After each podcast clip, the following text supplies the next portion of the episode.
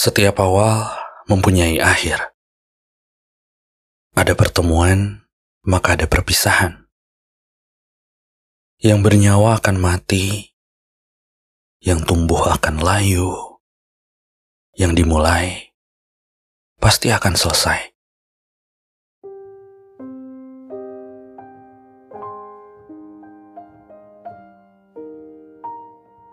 Dua titik ini begitu nyata di telinga orang banyak.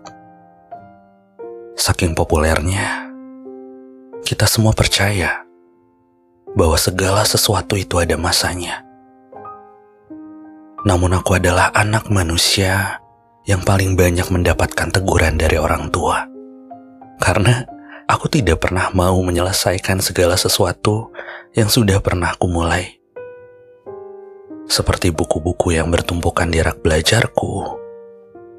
Masing-masing dari mereka paling hanya akan dibaca sampai di halaman 102 atau 103.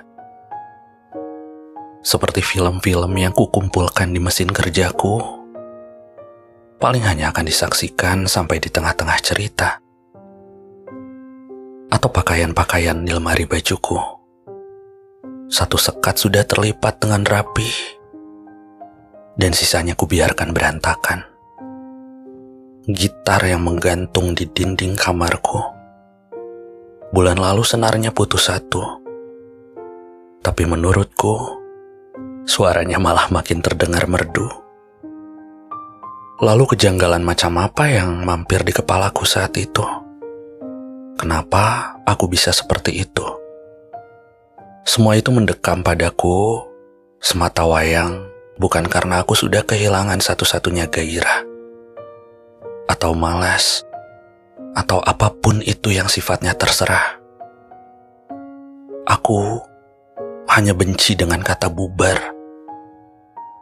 Segala hal yang kusukai di dunia ini, yang kucintai, dengan senantiasa akan kubiarkan tersendat tanpa kesimpulan.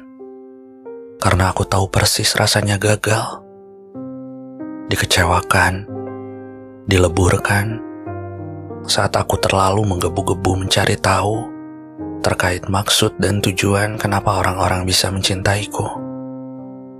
Dan tidak sedikit dari mereka menutup buku dengan ending yang beku, dingin, dan menggigil.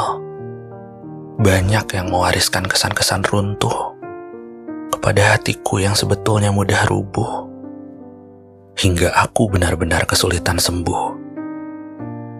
Oleh karenanya, ketika aku menyukai sesuatu, apa pun itu, seluruhnya akan diproses setengah-setengah. Kutunda tanpa perlu terengah-engah.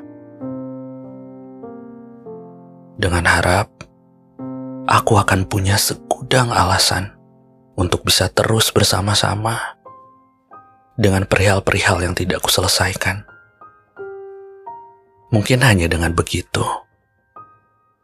aku bisa terus memilikinya dengan membiarkannya hidup di sampingku.